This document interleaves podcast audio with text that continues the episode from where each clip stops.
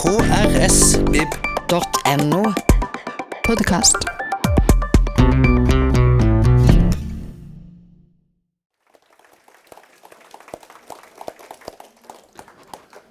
Nei, det er, en, det er en glede å få lov til å komme tilbake til fredagslunsj. Et fantastisk uh, institusjon du har fått til her, Randi. Um, og en glede å få komme I fjor uh, var det 100 år siden han, dikteren André Bjerke ble født. Og da kom endelig det biografiske standardverket 35 år etter at han døde. Det har vært skrevet bøker om Bjerke, portrettbøker osv. Men med Peter Normann Våges biografi så er liksom det første, den første, det virkelige standardverket kommet. Hyggelig å høre. Applaus. Men hvor begynner man med Bjerke? Eh, jeg tenkte å begynne med dedikasjonen helt foran i boken. Der står det 'Tilegnet min mor', som introduserte meg til André Bjerke med morovers og ABC. Fordi det jeg oppdaget, er at André Bjerke har gått, i, han, han har gått inn i vårt kollektive minne på en helt spesiell eh, måte. Jeg får nå hjelp av Tono, som registrerer alle musikalske verk i Norge, til å danne meg en oversikt over uh, i hvilken grad norske uh, lyrikere og deres uh, dikt er tonesatt og registrert som musikalske verk. Og aller øverst, sammen med Inge Hagerup, så troner André Bjerke. Du har altså Jakob Sande, Vildenvei, Bjørnson. De ligger rundt 500 registrerte musikalske verk på dem. Uh, og det er mye. Men øverst så er altså André Bjerke og Inger Hagerup med rundt 800-900 musikalske verk hver registrert på deres dikt og gjendiktninger. Det er imponerende, vil jeg si. Virkelig. Og det var Altså, du lurer på hvordan du skal begynne nå. Da jeg begynte med dette her, så visste jeg ikke når jeg hadde begynt i det hele tatt. For å si Det sånn, det var så mye. Det var jo et arkivmateriale på 13,5 hyllemeter med papirer. Ikke sant? Um, han var en hamster. Sparte på alt. Fra barndom. Fra første dikt han skrev da han var seks år, som han vant en premie for. Og fikk Løveboken i premie. Uh, og dagbøker osv. osv. Fem år holdt jeg på der. Mm. På Nasjonalbiblioteket? Ja, Nasjonalbiblioteket. Husker jeg møtte deg der. Ja, det gjorde nok det. Blek og dratt arkivsyken.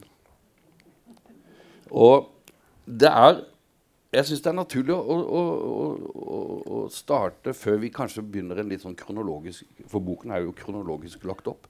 Snakke litt om uh, poeten uh. Bjerke. For det er, det er, han som har nådd ut uh, hos både barn og voksne. Mm. Nå har jeg også funnet ut av de 800 musikalske verkene som er registrert på ham, hvilke av diktene hans som det er flest musikalske verk. Det er interessant. Ja. Og det interessante er at det er ikke bare barneversene. Altså, øverst har du uh, 'Bedrøvet fugl' mm -hmm. med 16 musikalske verk. Ja.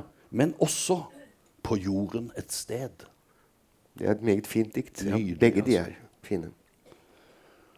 Og du behandler jo også hans syn på poesi og, og, og på 60-tallet han hadde et ganske hva skal du si, fremadskutt perspektiv på de sangtekstene som da begynte å høres ja. overalt på radio. Beatles og Absolutt. Han skryter av Beatles eh, og Sgt. Peppers Lonely Hearts Club Band.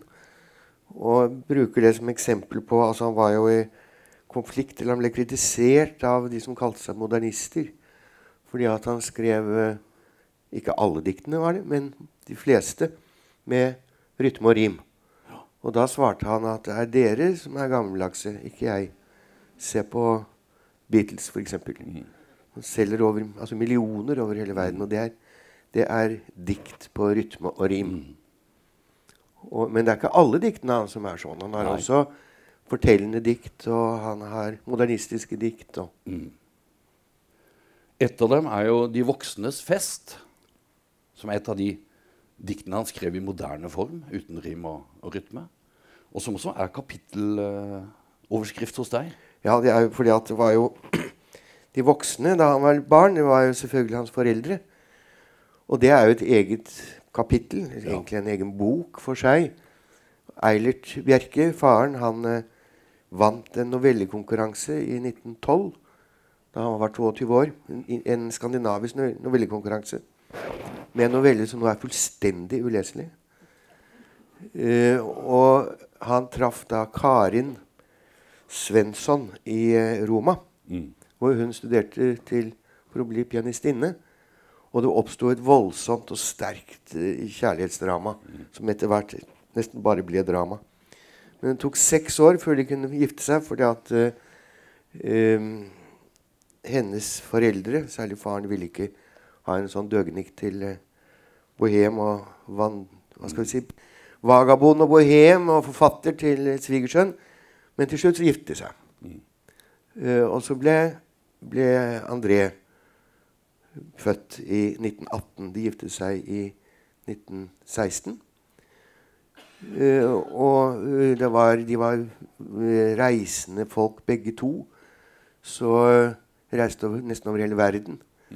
Eh, og da bodde André hjemme hos sine besteforeldre på Grünerløkka. Eh, og de var stikk motsatt foreldrene. Besteforeldrene var veldig kristne. Alvorlige mennesker som snakket om synden og pekte inn i peisen, gjorde bestefaren. Sånn kan det gå. Og eh, Peisen var da et bilde på det var skjærsilden. Ja. Skjærsilden. Og han trodde også at Gud bodde i taklampen, fordi at de så opp mens de ba bordbønn. Men han likte seg veldig godt hos, eh, hos sine besteforeldre. Eh, og bodde, kunne bo der i månedsvis av gangen. Eh, og ja, altså Det er mye å si om hans barndom. Han begynte å skrive som sagt han var seks år. Og han skrev, skryter av i, i dagbøker og andre steder at han hadde skrevet ti romaner da han var ti år.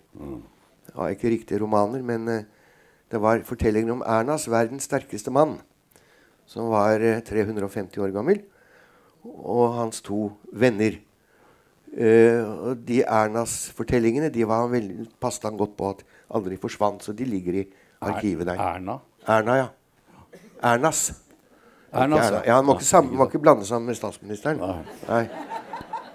Um, men det var, altså, der er det flere formuleringer som han senere trakk frem, som han var veldig stolt av. Blant annet står det at eh, eh, Ernas skjøt og Borgen falt fra hverandre. Og det mente han var en fantastisk setning. Og senere også, så han kommer tilbake til et, et essay om språk. Men disse, de voksne, da, de, eh, eh, det utviklet seg dette forholdet av forskjellige grunner.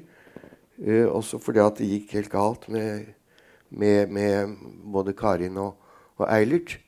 Eilert han eh, skrev, fikk utgitt sin siste bok i 1936. Og det ligger 26 refuserte manuskripter etter ham i arkivet. Og Karin hun begynte også å skrive, skrev noen reisebrev. Og så skrev hun åtte-ti barnekomedier som ingen, ingen av dem ble antatt. Eh, og det kom ganske mye alkohol inn i bildet etter krigen. Og det endte, hele endte med at eh, de satt i hvert sitt rom i Skjønningsgate og hadde en grense som var en rød ulltråd mellom liksom det enes revir og den andres revir. Og han måtte av og til kjøpe frokost av henne. Men til slutt så kom det en slags forsoning. og Han døde året før henne, men hun ville ikke begrave sammen med ham. Så hun ligger i en annen grav. Så det er de voksnes fest. Krigen kommer vi tilbake til. Eh, Eilert Bjerkes forfatterskap har vel røtter i nyromantikken. Oh, ja.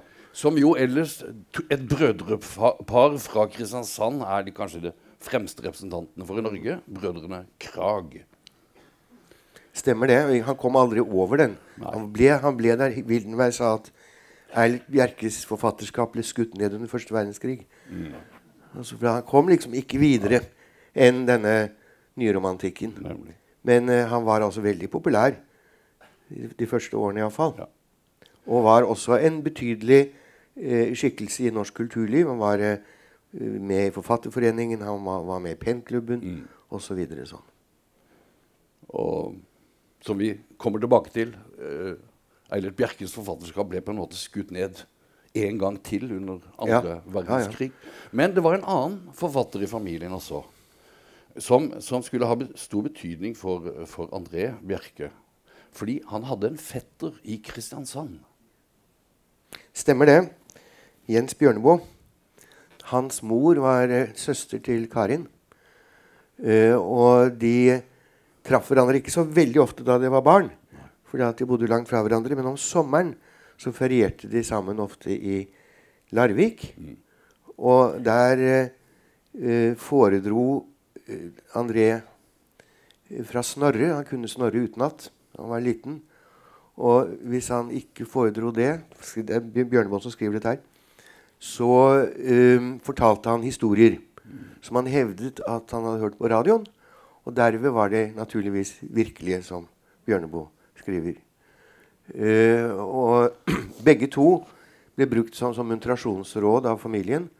eh, hvor de Bjørneboe kan kunne dikt, vel, så vidt jeg husker. Flere dikt utenat. Og eh, Bjerk, eller André, må vi kalle ham. Jarl André het han. Eh, han eh, resiterte fra Snorre og fikk et glass portvin. Og det samme, omtrent det samme fikk eh, Jens Bjørneboe.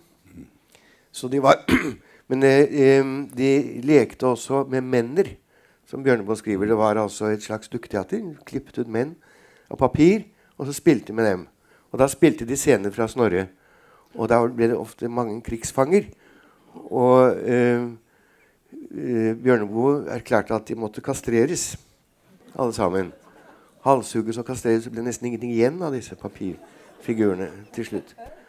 Men de, begge to eh, erindrer dette her ganske, med ganske stort smil i, i teksten, for å si det sånn.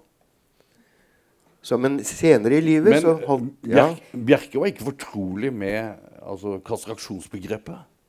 Nei da, han eh, gikk og spurte da eh, sin eh, tante hva det kunne være. Og hun fortalte meget nøkternt hva det var, for hun kom fra en gård, så hun visste, hadde sett det der mange ganger. Hvor de gjeldet eh, stort sett dyr, vil jeg tro, da. Eh, men eh, han eh, fikk da en ny viten på det området. De holdt sammen med altså De var jo ikke like gode venner hele tiden. Men eh, stort sett så var de veldig gode venner. Ja. Og støttet hverandre. Eh, Bjerke han eh, støttet sin fetter for da han skulle få ut 'Hertug Hans'. Mm. Den første boken som ikke kom på mange mange år. Det var hans opprinnelige Mm. debut, som ikke ble en debut. Og det samme med hans eh, bok om, eh, om de medisinske eksperimentene under krigen. Mm. Eh, før han Galer. Som han anbefalte, Bjerke anbefalte Ja. til forlag. Nemlig. Og den aller siste gangen de traff hverandre, det var eh, i forbindelse Altså da hadde Spoon River-antologien kommet ut i bokklubben med Bjørnemos illustrasjoner, som egentlig var, var laget mange mange år før, men ble, aldri, ble ikke antatt før det kom i, i bokklubben i 74, vel. Uh, og da satt de hjemme i Skjønnings gate. Han flyttet, Bjerke flyttet tilbake dit. Uh, og uh, med en flaske whisky eller to. Og Gerd, som da var Bjerkes daværende kone, hun gikk og la seg på gutterommet hvor han hadde bodd. Og da hun kom ut neste morgen, så lå de og omfant hverandre i den store sengen med eh, lydbånd. Så, overalt liksom bundet inn i lydbånd. Han hadde hørt dette her. Og bare noen dager senere så var Bjørneboe død. Ja. Så det var siste gang. Og dette, dette tek, tette slektskapet og, og vennskapet og Det oppsummerer jo da Bjerke i et av hans mest gripende dikt, 'Sten mot Ja, eh, tenkte jeg akkurat. Sten mot ruten. Det skrev han etter, eh, etter fetterens død, og det ble publisert i Dagbladet to-tre uker etter at han var død.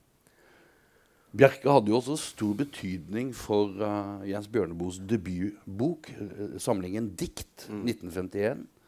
Med, med, med noen av de fineste sonettene som er skrevet på norsk. Eh, og, og, og det var jo en form som, som fetteren, altså André Bjerke, lærte ham. Ja, det var en form han var meget glad i, fordi at den var så stringent. Mm. Eh, og, um, men Bjørnboe ble jo flink. Mm. Altså, Ja, ja, han var en god elev, for å si det sånn. Og Bjerke han holdt jo på sonetteformen hele livet. Mm. Men det interessante, siden du snakket om alle de som har tonesatt Mm. man, Unnskyld. Man kan, kan knapt tonsette en sonette, selv om Nei. Markus Paus har gjort det. Mm. I den siste, den seneste som har kommet, utgivelsen. Ja. Men så han har veldig spenn, da. Mm. Fra, altså, I sin, sin lyrikk. Mm. Fra sonetter til sanglyrikk, og fra Mm. morovers til Mm. mystiske religiøse dikt. Nemlig. Vi kan, jo, vi kan jo nevne noen av de som, som har uh, i størst grad altså, jobbet med Bjerkes dikt og tonsatt dem. Det er jo, altså Finn Kalvik uh, gjorde mange av dem kjent på, på 70-tallet. Ja, det kommenterer faktisk Bjerke i sin dagbok. Eh, og bruker det også som argument mot modernistene. For at nå er liksom, kommer han opp så også som sang. Ja. Men, er, men før Kalvik så hadde du altså Var det Siem? Kåre Siem, ja. De var jo gode venner. Mm. Uh, han, de la ut en sangbok sammen, Tirili, Ja. som uh, kom ut og fikk en viss suksess. Mm. Og der er det også et, en vise eller en sang Mm. Som eh, Bjerke selv har komponert. Mm. Han, var, han komponerte nemlig også, av og til, i tillegg til å tegne og male. Mm. Eh, så han var veldig, veldig allsidig Mm. begavelse. Men du nevnte helt innledningsvis, Håvard, at eh, eh, han eh, er blitt på en måte en sånn slags eh, Skal vi kalle det allemannseie? Eller Mm. man, man eh, kjenner til ham. Og det er jo ikke bare pga. Uh, at han er flink dikter, Mm. men det er også fordi at han eh, eh, sto veldig sentralt i sin tid. Oh, ja. Og jeg vil påstå at han står veldig sentralt fortsatt i vår tid. Du har også for mange år siden du har snakket om det, eh, sagt at eh, dikt, altså lyrikk, har ofte mer til felles med essaystikk Ja. enn med romaner. Mm. Eh, og jeg vil bare slå et slag her for uh, Bjerke som essayist. Mm. Uh, som altså er noe av, det er noe av det beste essayistikken som er skrevet på norsk. Og da kan jeg også fortelle at riktignok når vi er ferdige, så er det boksalg her bak. Med den boken. Dessverre så er ikke den en annen bok eller to andre bøker som jeg nå skal nevne, der. og Det er stort sett min feil, for jeg har glemt å si at de fantes. Eh, nemlig en essaysamling som heter 'Terskelens vokter'. Eh, det er et uh, tittelessay eh, som ikke har vært publisert i bokform før. Det var publisert i tidsskriftet Arken i sin tid. Eh, og det handler om Bjerkes kamp for eh, først og fremst mot, da, der, mot Rudolf Steiner. Eh, som han kom over da han eh, eh, ble introdusert for ham av sin gode venn Carl Brodersen. Livslange venn. Og han holdt på å kjempe for og mot Steiner hele tiden, lenge. Eh, han var som en Jakobs kamp med, med engelen. Men det endte med en uh, livslang fascinasjon og inspirasjon. Han har bare nevnt Steiner ett sted i en polemisk sammenheng. Og uh, i en annen bok, som også skulle vært der inne, som heter der, Gø- 'Bidrag til Goethes farvelære'. Det er en utvidelse av hans bok 'Nye bidrag til Goethes farvelære'. Eh, Goethe var også en husgud i aller høyeste grad hos Bjerke. Eh, Men legg merke til den tittelen 'Nye bidrag'. Det er nemlig ganske betegnende for hans eh, forhold til alle de som han hentet inspirasjon hos. Han utvider dem. Ikke sant? Nye bidrag. Det er mer enn det Goethe hadde i sin farvelære. Og det samme gjør han i for seg med Steiner og med Freud, som han også en tid var veldig opptatt av. Uh, men jeg vil si at i sin essaystikk, for å ta en bare uh, ta ett stikkord, hvis jeg får lov til å Og trekke det ut. gjerne. Uh, så er det slik at det verste Bjerke kunne tenke seg, det var reduksjonisme. Det vil altså si altså at typen Lyd er bare bølger. Det hørte jeg på radioen her for ikke så lenge siden. Eh, men jeg hørte det jo. Og det var også en mening i det som ble sagt. Og det er ikke bølger. Eh, farger er bare Eller lys er bare bølger. ikke sant? Dette her. Eh, ja visst, sier Bjerke, det er riktig at det er bølger. Men det er mediet som formidler meningen og opplevelsen av musikk, f.eks. Tale, av farger. Eh, og å si at det bare er bølger, er som å si at en bok bare er antall sider. Det er jo ikke det. Men det må ha sider for at vi skal kunne lese det. Slik må også lys og, og, og lyd bli båret frem av bølger. Dette her, altså I forskjellige variasjoner så eh, går Bjerke til kamp mot reduksjonismen. Og det vil jeg si at er et tema som er minst like aktuelt i dag oh, ja. som det var på hans tid. Men nå er det blitt en slags økonomisk reduksjonisme, hvor man alltid reduserer ting til penger. Men det er i grunnen et annet tema. Noe av det fascinerende med, med denne grundige biografien er jo Det sier seg selv at en, en mann som, som eh, Peter beskriver her, havnet i, i konflikt med noen av hovedstrømningene i Norge på 1950-tallet. Og nå er vi jo ikke alle som lenger husker 50-tallet. Men da bidrar denne boken ved at den går så grundig inn i de store idédebattene som, som Randi nevnte innledningsvis, som var hvor, hvor Bjerke ofte sto sentralt. Og denne boken går så grundig inn i dem og gjengir leserinnlegg, gjengir debattinnlegg, følger debatten gjennom et helt kapittel, sånn at du på en måte du, du får nesten en følelse av å være til stede på, på, på 50-tallet. Så det, det har vært viktig for deg på en måte å resumere og, og, og gjøre disse debattene levende. Veldig viktig, også fordi at det er en del av norsk kulturhistorie som eh, nesten er som du sier, nesten er glemt eller blir borte. Og det var jo et tiår med store kulturdebatter. Og det interessante var at da var det jo bare det var én arena. Én offentlighet. Og en av de største var jo Grim, heter Grimberg-debatten. eh, som handlet, først handlet den om eh, eh, åndsverksloven. Så Bjørneboe hevdet at eh, en som heter Antel Heinz, professor i paleontologi, som hadde fått eh, i oppdrag å skrive en ny innledning til eh, Grimbergs 'Menneskenes liv og historie', da den skulle, skulle komme på norsk. Innledningen var foreldet, mente han. Eh, eller mente de på forlaget. Så skrev Heinz det, og da mente Bjørneboe og mange med ham at dette var, historie, eller, ja, det var historieforfalskning, og, og at det var eh, brøt eh, åndsverksloven. Og da ble det først en debatt om det. Den munnet ganske raskt ut i en debatt om eh, utviklingslæren. Eh, og den gikk ganske raskt over til en debatt om antroposofi. Fordi at på den ene siden så han, var antroposofene var stort sett de som holdt den ene siden. Og de var gudbegavede polemikere, altså. Ironikere. Eh, og også på den andre siden så sto akademia. Eh, og det her deltok Bjerke ikke så mye i den løpende debatten. Men han, delte, han skrev svære essays og tok opp ting. Og da var et av, altså et av ankepunktene etter hvert, eller det som, det som kom opp som uh, diskusjonstema, det var stammer Er det slik at mennesket stammer fra apene? Eller er det slik at uh, mennesker som idé har vært til stede før evolusjonen, og liksom så skalles, skalles dyrene av i, eller i historiens løp, og så står mennesket der til slutt? Eller i Bjerkes uh, uh, formulering er det slik at Anatol Heinz stammer fra apene, eller stammer apene fra Anatol Heinz?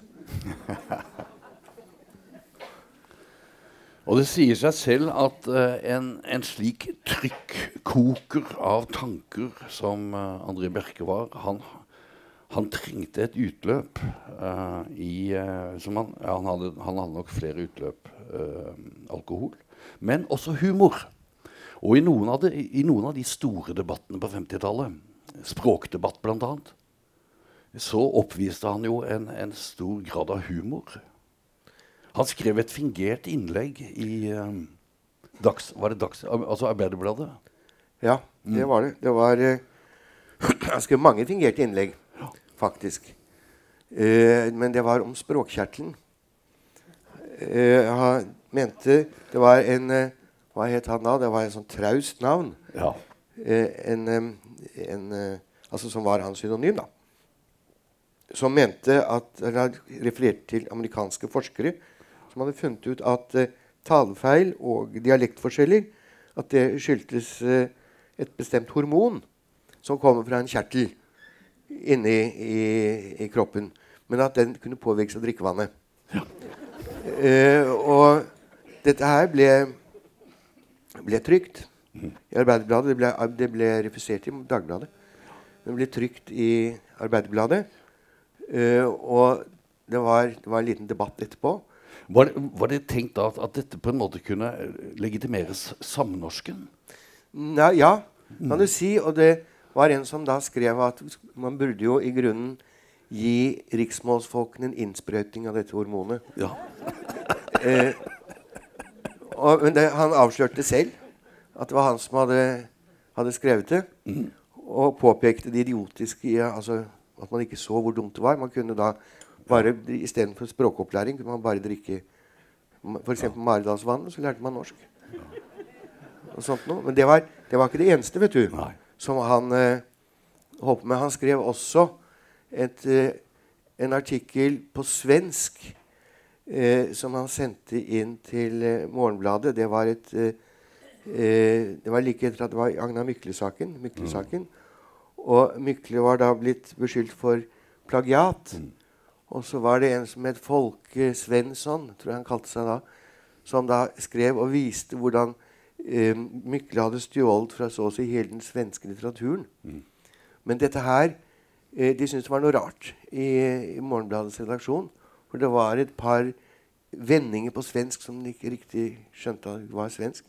Så de sendte et helt detektivkorps til eh, Sverige og fant ut hvor dette innlegget var, ble postlagt. Og det viste seg at der bodde søsteren til Carl Brodersen.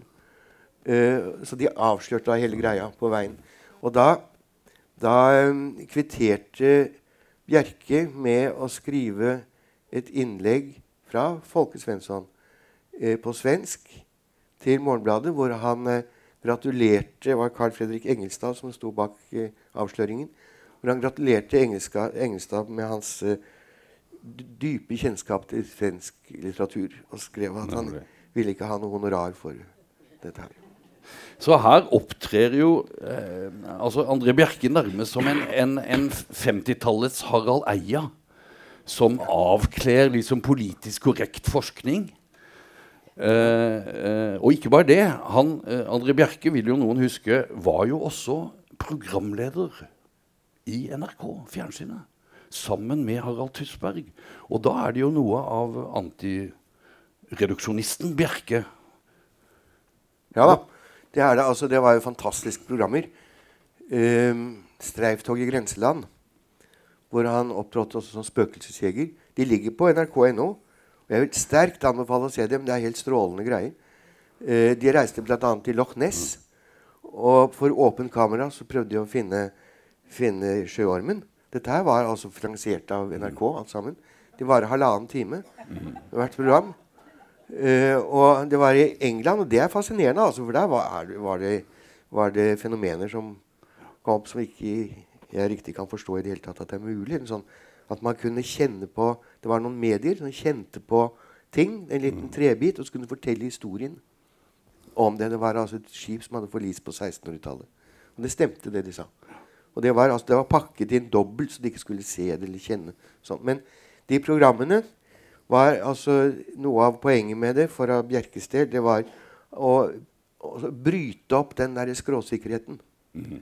Og vise at sånn og sånn kan altså Man må ta hensyn til slike fenomener òg, mm. og undersøke dem. Og ikke bare avfeie dem. Og det ble også noe hissig debatt. om dette på 70-tallet, altså. Ikke sant. Dette var begynnelsen av 70-tallet. På 60-tallet husker jeg at uh, snusfornuften eh, på en måte materialiserte seg i et uh, leksikon som het Familieboka, og som vi hadde hjemme i hylla. Og André Bjerke måtte selvfølgelig raljere med, med, med, det verket som fantes i mange norske hjem, ved å sammen med to, to venner å lage Den bakvendte familieboka. Som er et oppslagsverk. Der finner man f.eks. Hvis man slår på E, så finner man egentlig forklart som nektelsesord. Jeg er egentlig pasifist. Altså, jeg er ikke pasifist. Ja da, men det kom faktisk før. Den kom på slutten av 40-tallet. Og det hadde forbindelse med også en annen av de livslange kampene som Bjerke førte. Og det var mot uh, uh, styringsfanatismen fra, fra staten. Uh, og det gjaldt var oppbygging av Norge, da, selvfølgelig. Nasjonsbygging. Og hvordan um, det skulle bygges på liksom, vitenskapens premisser. Carl Evang og, og Arbeiderpartiet og gjenoppbygging og sånn. men den bakvendte familieboken, der har de også et oppslag på I, nemlig infanteri. Den delen av Forsvaret som flykter til fots. ja. Og ja, det er, det er veldig, fortsatt en veldig morsom bok. Da. Det er det. Og, og den, eh, den definisjonen, definisjonen, peker jo selvfølgelig også tilbake til uh, krigen, okkupasjonen. Og, og, der er det et uh, vanskelig kapittel i, i, både far Eilert og sønn André Bjerkes liv, som også er blitt veldig aktuelt de aller siste årene, og en, en sak som ennå ikke er helt avklart. Stikkordet er æresretten. Ja, det er nesten hentet fra den bakvendte familieboken. Fordi at det er verken ære eller rett som skjuler seg bak det begrepet. Det var etter oppfordring fra hjemmefronten, så eh, nedsatte alle kunstnerorganisasjonene egne komiteer for å finne ut hvem som ikke hadde vært nasjonalt sinnet under krigen. De som hadde vært medlem i NS, ble kastet ut, selvfølgelig. Eh, men så var det spørsmål de andre, da. Grå, gråsonene.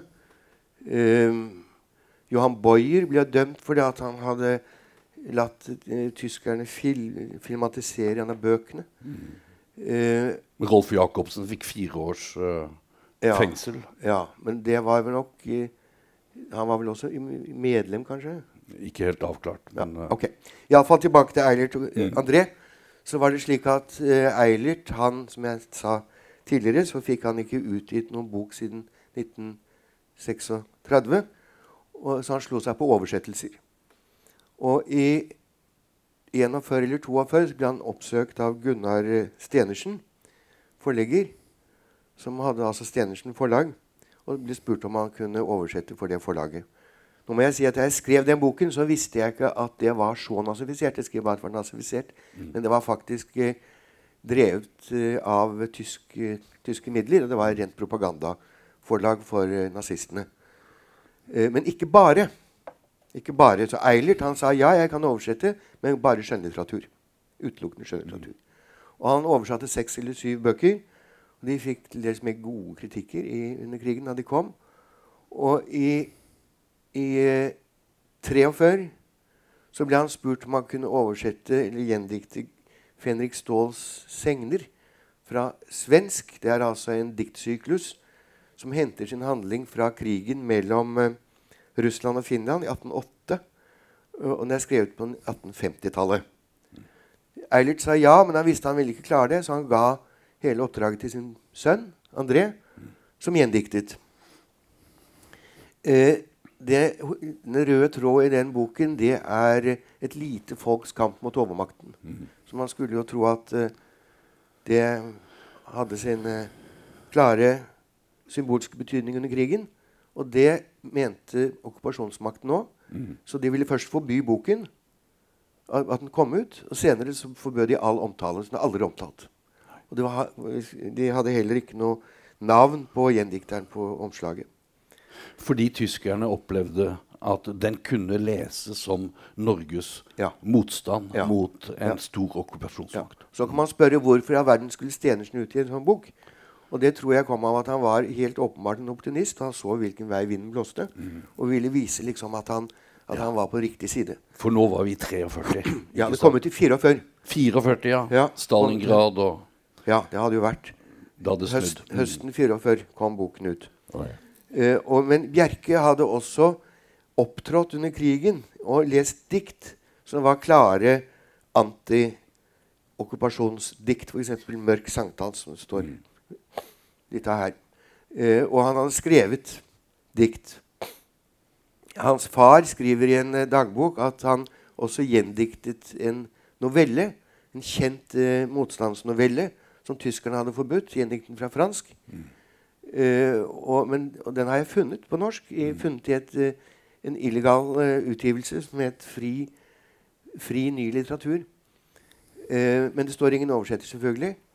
Eh, og Bjerke vil, sa aldri noen ting om at han oversatte oversatt det der. Så jeg, kan ikke, jeg har ikke kunnet dokumentere det helt, men jeg har det med. Men iallfall, da frigjøringen kom, så eh, holdt Francis Bull en eh, 17. mai-tale i, i Nationaltheatret, selvfølgelig på 17. mai 1945, hvor han roste André Bjerke som en av de få eh, hjemmeværende diktere som holdt motet opp under krigen. På folk, altså. Så han ble hyllet i 14 dager. Eh, for da begynte å gå rykter om at det var Wildenvey hadde gjendiktet denne eh, Fenrik Ståls segner. Eh, og Bjerke han gikk da straks ut og sa det var meg. Og det er jeg stolt av. Det er et fint diktverk. Um, førte til at han ble, ble um, anklaget av den såkalte æresretten. En eh, diktsamling som skulle kommet ut den høsten, ble stoppet av Forfatterforeningen. Eh, så fant man ut at Eilert også hadde oversatt mer for Stenersen. Så i, det hadde ikke gått to, ja, det hadde gått omtrent to måneder siden 17. mai, altså i, ja, i midten av juli. Så eh, erklærte Forfatterforeningen at de to Bjerkene var utstøtt for ett år av Forfatterforeningen. Fikk skriveforbud i ett år samme året. De skulle betale 10 000 kroner til et veldedig formål. Eh, det hadde ikke vært dette kalles en rettssak. De de hadde ikke forsvarer. Det var ikke åpen rett. Det var ikke noe eh, av det vi forstår med rettssak. Og, er, og dommen kom før ankefristen gikk ut. Um, dette kalles altså en æresrett. Uh, og de hadde heller ikke noe juridisk mandat, egentlig. Uh, og slett ikke til å ilegge en bot. Uh, Alex Brinkmann, som, som var formann i Forfatterforeningen, oppsøkte både forfattere, tidsskrifter, aviser og forlag og sa dere må ikke ha noen ting med Bjerke å gjøre. Så, da, så, så lenge varte hans, eh, hans eh, si, tid i solen i 1945. Men for å gjøre en lang historie kort, så endte det faktisk, men ikke før i over et år senere, endte med at eh, eh, han anket, han og faren anket. Det var To av de tre som satt i ankenemnda, hadde også sittet og dømt ham. Det er også en pussig rettspraksis. Ja. Eh, og eh, Bjerke fikk da full oppreisning. Eh, og han, Pga. at han hadde vist nasjonalt sinnelag under krigen, som de skriver. Men ikke Eilert. Han ble da ekskludert videre for tre år av Forfatterforeningen. Og intet forlag ville utgi noe av en menneske som, var, som ikke var medlem i Forfatterforeningen etter krigen. Så etter det var han en knust mann. Bjerke kom seg opp. Han hadde utgitt under krigen eh, to diktsamlinger og to kriminalromaner. Og de solgte veldig godt, alt sammen. Det var, altså Diktene til Bjerke har flere sagt til meg at det ble lest som virkelig for å holdt, som holdt motet oppe. Og kriminalromanene er helt eh, banebrytende, fordi han har den geniale idé å ha en psykoanalytiker som eh, detektiv. Og det er jo Han er jo det. En psykoanalytiker, ikke sant. Ehm, så han var en relativt holden mann etter krigen. Eh, og uh, kunne også forsørge sin far og sin mor lite grann. Vi, vi må nesten komme inn på hvordan dette med æresretten for 75 år siden er blitt eh, eh, svært aktuelt igjen. Men, men, men før, før du eh, forteller oss om det, så vi må vel si at Jeg synes i hvert fall du sannsynliggjør i boken at dette, denne stigmatiseringen Og da tenker jeg ikke på Eilert Bjerke, men på André. den preget ham. Han snakket om det når han ble full. Ja. Stadig. Og den var også kanskje en årsak til at han noen ganger ble full. Ja, det vet jeg ikke, faktisk. Det er jeg ikke helt sikker på, for det var, kan det være mange grunner til. datteren er jo, mener jo at Ja, ja. dette var med på å utvikle Ja, det kan godt være. Godt være men eh, Men det var var i hvert fall det han snakket om. Snakket om det, ja. Gjorde det. Henny Moan, både Henny Moan og sekretær i Riksmålsforbundet har sagt akkurat det samme. At det gjorde han. Men når det gjelder eh, æresrettens aktualitet i dag, så har det sammenheng med at for omtrent et år siden så eh, bestemte Forfatterforeningen seg for å be om unnskyldning om, altså denne, for denne retten, æresretten. Ikke for innholdet. Altså, De tok ikke stilling til hva de 17 dømte forfatterne hadde gjort, men de tok stilling til hele rettsprosessen. Det, er, eh, det var der unnskyldningen gikk. Altså Til og med Quisling hadde for forsvarer. Ikke sant? De hadde ikke det, noen av de som ble dømt. Um, så det var det de ba om unnskyldning for. Og det førte da til baluba på Forfatterforeningens årsmøte, hvor eh, Kjartan Fløgstad mente at de hadde bedt om unnskyldning til antisemitter og krigsprofitører. Og forskjellig sånt, og så oppsto det en lang diskusjon i avisen. Ja. Og hvor også han, han meldte seg ut av Forfatterforeningen ja. på, på stedet. Ja. Og eh, så bestemte Forfatterforeningen seg for å nedsette en kommisjon. Ja, Det var et forslag fra Edvard Hoem Ja. for å forsøke å skape et slags uh, kompromiss. Ja. Så er da skulle gjennomgå grundig den æresretten en gang til. Eh, og de legger vel frem en eller annen rapport i løpet av noen måneder, vil jeg tro. Så det er eh, bakgrunnen. Og noe av bakgrunnen for at de ba om unnskyldning, det er den boken der. Mm. Ikke hele bakgrunnen, men noe. Men eh, det var akkurat litt mot slutten. Jeg tenkte at jeg sitter og tenker på det du snakket om eh, med humor Ja. og eh, debatter. Kan du ikke lese et lite utdrag? Jo, akkurat det jeg skal gjøre. Ikke sant? Det er derfor jeg skal ta på meg brillene. Det er helt riktig, det. Det er Altså, han var jo I 16 år så var han redaktør av Ordet, Riksmålsforeningens tidsskrift. Kom ut hver måned. Han eh, leste korrektur og skrev mesteparten selv. Um, ved siden av alt det andre han gjorde. Og han var med i språkdebatten, både, både eh, muntlig og skriftlig. Og der finnes jo Det finnes eh, flere veldig gode språkessays av ham. Og han uh, gjendikta også 'My Fair Lady', som ble en kjempesuksess. Eh, og der slo jeg tilfeldigvis opp på det. Men eh, for eksempel så uh, lar han der uh, Lisa Doolittle, som snakker, snakker cockney, snakke Vikamål, som han kaller den nye læreboknormalen. Og så eh, eh, Hun snakker da altså Det skal være norsk eh, Språket, tale, nei, Skriftspråket skal bygge på talespråkets grunn, heter det hos dem. Og da hadde da eh, Dagbladet eh, De hadde en spalte hver mandag med hvordan ord skulle uttales. Soveværelse. Soveværelse, det er helt sant. altså. Sikkerhetsnål. Sikkerhetsnål. Bibelhistorie. Bibelhistorie. Konvolutt. Konvolutt. Um, skal vi se Før Men før uh, selve uh, My Fair Lady kom, så uh, var det um, slik at man skulle følge i lærebøkene skulle man eh, følge uh, rettskrivningen 38 og radikalt bokmål. Og det eh, gikk Oslo skolestyre inn for. Og da måtte alle andre skolestyrer følge etter, for det var så stor, mange, mange barn. Så, slik har man begynt å trykke bøker, lærebøker um, Der har vi det. Med disse radikale formene. Eh, blant annet så så Blant annet så oppnorsket man, som det heter, eh, diktere. Og da Ja. ful, fulgte man eh, etter i sporene til Molkte Mo, som også er opphavsmann til ordet samnorsk, fra 1917. Eh, og han viste hva, hvordan man skulle gjøre dette her ved å oppnorske Wergeland. Vesle Hans. Først uh, et lite vers i Wergelands uh, original. Vesle Hans på døren banker med sitt knippe. Kjære gamle bestemor, du vil dog inn meg slippe. Så kom Moktemos syrebad.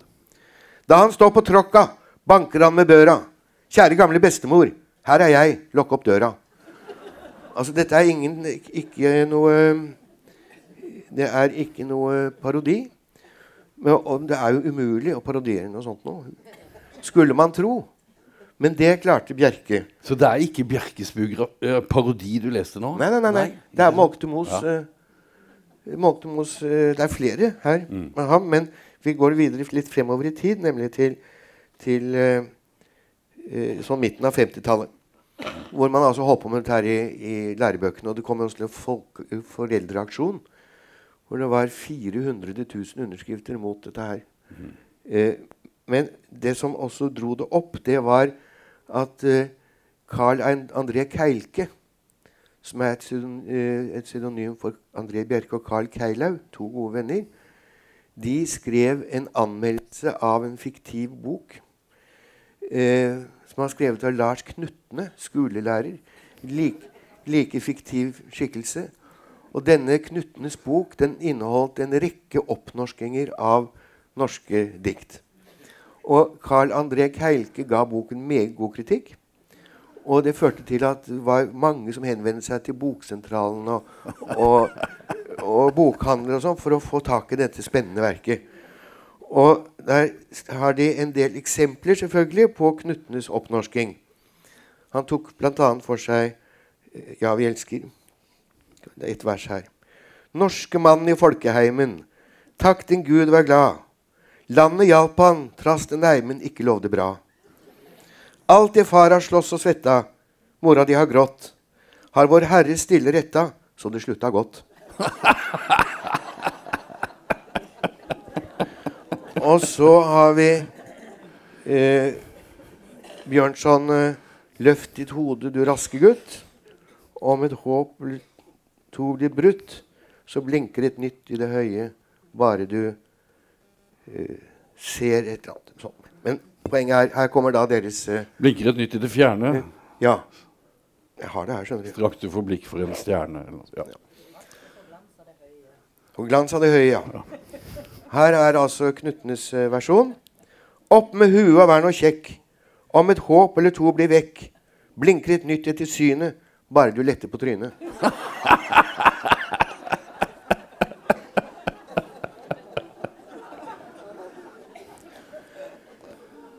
Han eh, ble også av Riksmålsforbundet spurt om å lage en ABC. Siden det er i forbindelse med Steinerskolen, dette her, så er det interessant. Uh, det gjorde han. Han laget André Bjerkes ABC, uh, hvor, uh, eh, hvor han også vil bruke Steiners pedagogiske prinsipper.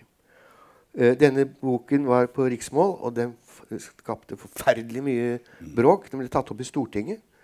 Eh, fordømt. Lærerne som ville bruke den, ble advart av Trygve Bull, Stortinget. Eh, de, den ble nektet brukt, altså forbudt. Eh, brukt også som såkalt attåtlesning. Fordi at den var altså på, på eh, eh, riksmål. Men eh, det kom en svær diskusjon selvfølgelig i avisen, som Bjerke kaller den mest selsomste debatten han noensinne har vært i. Eh, eh, og den ble, ble åpnet av en tannlege. Formann i Norsk Tannvern. H. Neumann. Han hadde kalt ABC-en et hån mot alle tannleger. Og henviste til følgende dikt. Sukkerunger plukker opp, Sukkerungen plukker opp sukker av en sukkerkopp.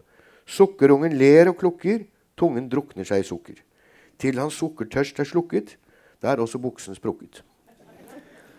Vet ikke Bjerke, skriver Neumann, at tennenes fiende nummer én er det raffinerte sukkeret, slik det forekommer i de mest spaltbare kullhydrater, som sukkerbiter, slikkerier i alle avskygninger. Men han var ikke det eneste han ikke likte i denne ABC-en. Det var nemlig et dikt til som heter 'Dukkehuset'. Det er altså et dukkehus inni et dukkehus, hvor dukken til dukken bor. I Dukkevei 2. I et hus inni huset i Dukkevei 2 skal den knøttlille dukken til dukken få bo. Og har eget bad og en dukkedo. Og teppe på gulvet og hylle med bøker. Og et askebeger til dukker som røker. Ja. Vet ikke Bjerke, skriver Neumann. Er, er han helt uvitende om kampen mot de tiltagende røykeuvaner hos barn og ungdom? Bjerke svarer man forstår hva tannlegen Neumann mener. Så snart syvåringen har lest ovenstående, vil barnet styrte ut nærmeste tobakksbutikk og bruke alle lommepengene på sigarillos. Men verst er altså ABC-ens lettferdige forhold til spaltbare kulhydrater. Vers om sukkerungen var fra min side riktignok ment som en rettskrivningsregle. Det viser at et ord vi uttaler med O, kan skrives med U. Og det inneholder vel nærmest en advarsel mot overdreven sukkerspising. Det fremheves jo at et for stort konsum av spaltbare kullhydrater kan medføre at benklærne revner. Det var det, altså Bjerke Takk.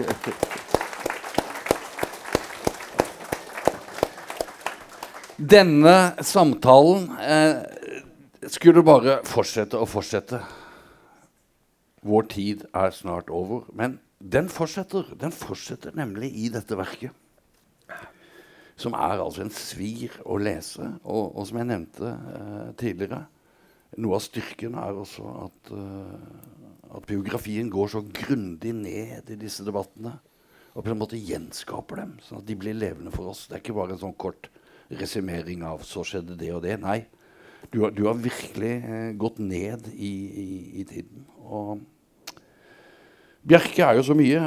Tenk alt Vi, vi har nesten ikke vært innom krimforfatteren. Du har nevnt ham. Sjakk, uh, er- sjakkspilleren. Uh, Antroposofen er så vidt berørt. Uh, der, der, det er, det er, altså, han var, eh, han var liksom Gjendikteren. Oh, Goethes. Faust. Ikke sant? 17 år på første del brukte han.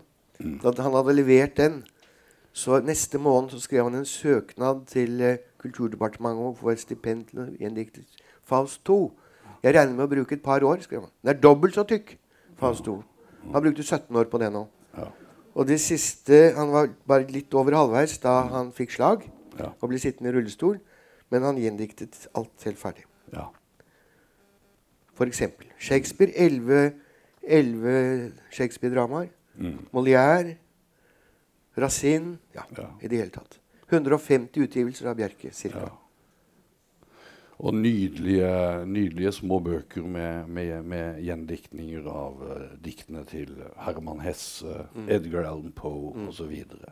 Og så må det jo sies at uh, du hopper jo ikke bukk over privatlivet hans. Nei, det er mye om den. Ja, Alle tre konene er der. ikke sant? Og ikke bare det er flere kvinnfolk òg, Ja. for å si det sånn.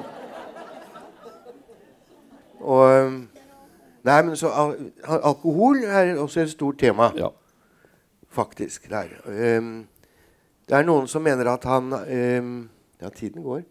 At han uh, avreagerte. At Han kunne arbeidet to-tre døgn i strekk.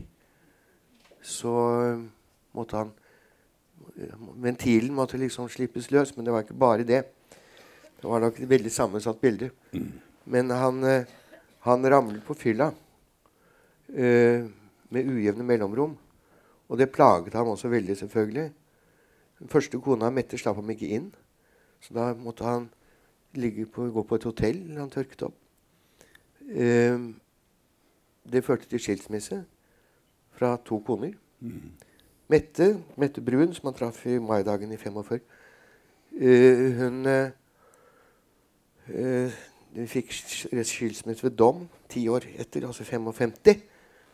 Eller 56. De giftet seg i 46. Eh, og han sa til henne at godt skilles, men eh, jeg kan ikke, men jeg må bo her. Hvis jeg ikke bor her, så kommer jeg til å bomme deg for en krone på Ankertorvet om 14 dager. Og det er helt sant, det. Han bodde aldri alene. Klarte det ikke. Hver gang det var, altså han prøvde å bo alene, så gikk det helt galt. Virkelig helt galt. Så han ble boende hos Mette i to år på sofaen.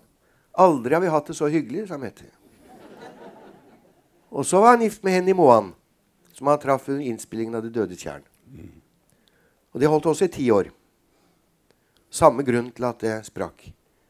Han fikk to barn med, med Mette og, og ett barn med Henny. Vilde, og han skrev morovers. Det har vi heller ikke snakket om. Moroversbøker til hvert av barna. Uh, og så var det Fortsett med privatlivet. Så var det Gerd, som han traff uh, i 69.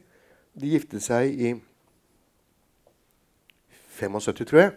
Han var ikke så glad for å bli skilt, Bjerke. Så han uh, utsatte skilsmisse fra henne så lenge som mulig. Inntil hun en dag kom til ham og sa at hun var da sammen med Ole Paus. Så sa at hun var gravid. Og hvis ikke Bjerke ville skilles, så ville barnet bli hans. Pater est. Så da ble de skilt. Og så gifta han seg med Gerd. Og hun tok vare på ham, etter, særlig etter slaget. Han bodde hjemme. Eh, og hun passet ham, stelte ham av og til. Så ble han sendt på, altså til et annet sted, så hun fikk rekreasjon. Men de var da naturlig nok gift helt til han døde i 1985. Vi skal grunne av uh, der vi begynte, med poeten. Og med det som jeg da fant ut, er uh, det mest tonesatte voksendiktet hans. På jorden et sted. Tro ikke frosten som senker en fred av sne i ditt hår. Alltid er det på jorden et sted, tidlig vår. Tro ikke mørket når lyset går ned i skumringens fang. Alltid er det på jorden et sted, soloppgang. De som ønsker et signert eksemplar av I kampens glede, kan få det ved utgangen. Takk til Peter Normann Våge. Takk skal dere ha. Og du, takk Håvard.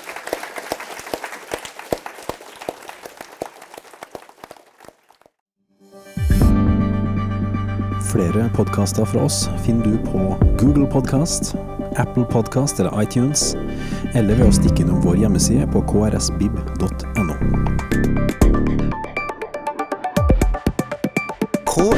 krsbib.no. Podkast.